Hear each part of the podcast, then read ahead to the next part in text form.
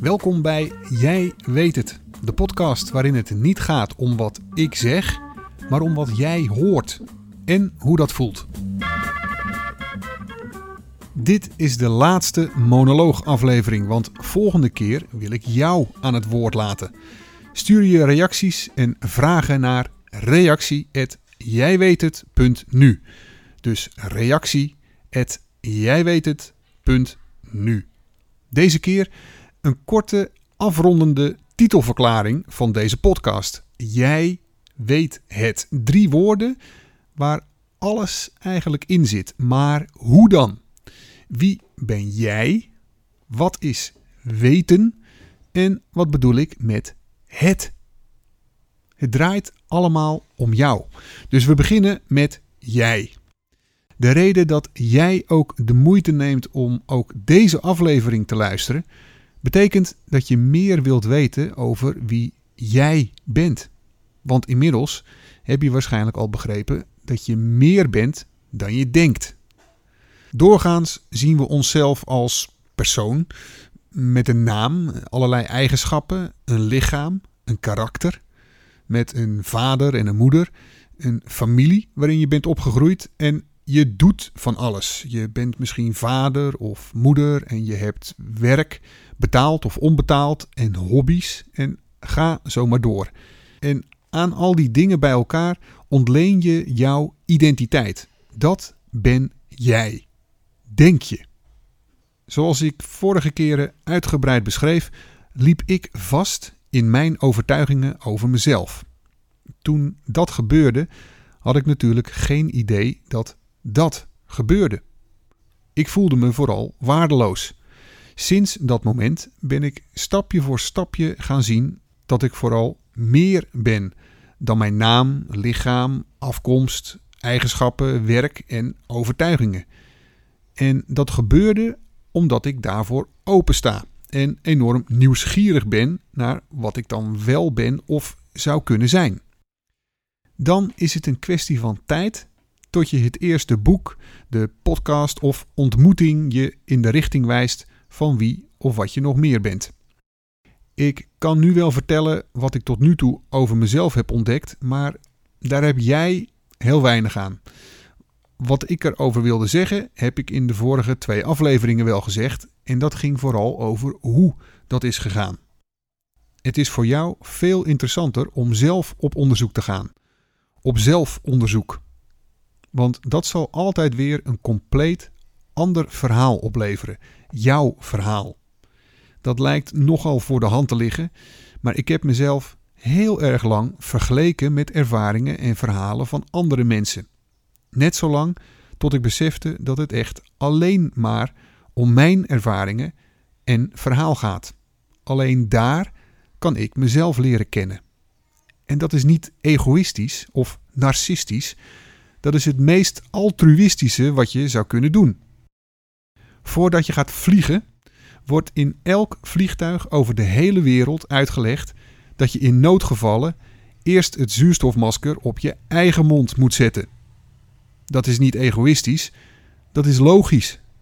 Alleen dan ben je in staat om anderen te helpen. Door meer te ontdekken over wie jij bent, zul je vanzelf meer begrip kunnen opbrengen voor anderen. Zodra je anders naar jezelf gaat kijken, ga je tegelijk anders naar je omgeving kijken. Je zult jezelf meer gaan waarderen, waardoor je in staat zal zijn anderen meer te waarderen. Door te ontspannen en de aandacht naar binnen te richten, zul je het niet begrijpen, maar weten. Jij weet het. Dat is echt iets anders dan snappen of kennen. Heb je wel eens geprobeerd uit te leggen waarom je bijvoorbeeld verliefd bent op iemand? Dat is bijna niet uit te leggen. Je weet het gewoon. En weten kun je alleen maar door te ervaren en te voelen, via je intuïtie. Daar speelt het verstand nauwelijks een rol bij. Je verstand of ego zal het namelijk altijd beter weten. Dat is meteen een hele goede manier om het verschil te bepalen. Als je voor een lastige keuze staat, kun je daar bijvoorbeeld even de tijd voor nemen. Alleen en op een rustige plek. dan zal je vroeg of laat intuïtief weten wat je het liefst doet.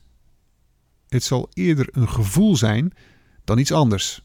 Maar als dat na het nodige geduld uiteindelijk tevoorschijn komt, zoals de kerstman in een sneeuwbol waarvan de vlokjes zijn neergedaald, dan is het glashelder.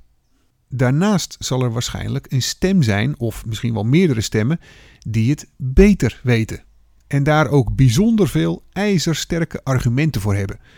Want wat jij wil is onmogelijk of moeilijk en heb je nog nooit eerder gedaan. Dus de kans op mislukken is groot. Dat is de manier waarop je ego risico's analyseert. Er is niks mis mee om die stemmen te volgen, want zoals we in de eerste aflevering af hebben gesproken, jij doet niks verkeerd. Maar het kan goed zijn dat het je steeds meer tegen gaat staan om naar ijzersterke, verstandige argumenten te luisteren. Omdat je namelijk voelt en weet dat je iets anders wil. Als ik had geluisterd naar de stemmen in mijn hoofd die het beter weten, was deze podcast er niet geweest. Dan had ik een stuk minder tijd gestoken in ontspanning en was ik stug doorgegaan met het werk dat ik deed en daarmee had ik heel veel mensen heel blij gemaakt, behalve mezelf. Misschien flopt deze podcast compleet, maar dan is het nog geen mislukking. En dan hebben die waarschuwende stemmen niet gelijk gekregen dan heb ik een grote angst overwonnen en komt er gewoon weer een andere vorm waarin ik mijn ervaringen en lessen op een andere, betere manier kan delen. Daar vertrouw ik op, want ik weet dat dat is wat ik het liefste doe. In gesprek gaan met jou, over jou en jou laten ervaren dat jij het weet. Een belangrijk verschil tussen het ego en je intuïtie is dat het ego bang is om te verliezen en je intuïtie niet.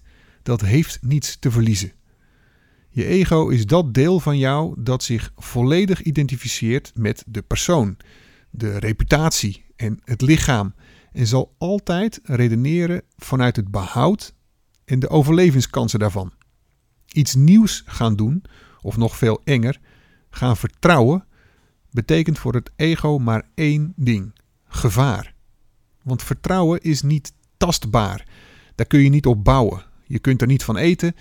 Je kunt het eigenlijk maar beter vergeten. Maar je intuïtie weet dat je veel meer bent. En kan je daarom als beste helpen om dat ook te ervaren en te weten. Om het te weten. Het derde en laatste woord. Het. Waar staat het voor? Je kan beter vragen waar niet voor. Jij weet wat je nodig hebt en wat niet.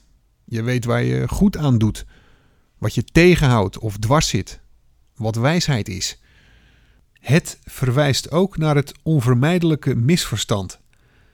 Het misverstand van de vis in het water die denkt dat er niks anders is, omdat hij er nog nooit uit is geweest.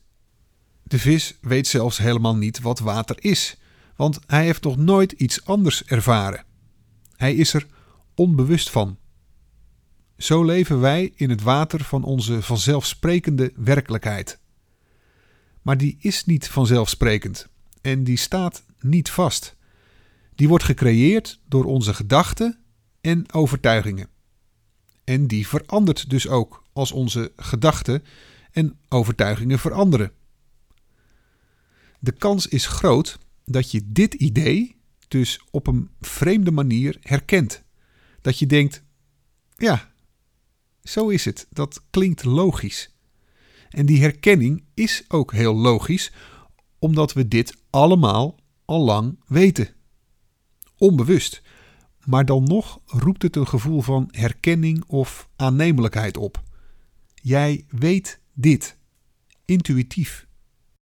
Bewust worden van het feit dat jouw werkelijkheid niet op zichzelf staat, niet objectief is, maar subjectief, is onherroepelijk en heeft grote gevolgen, op welke manier dan ook.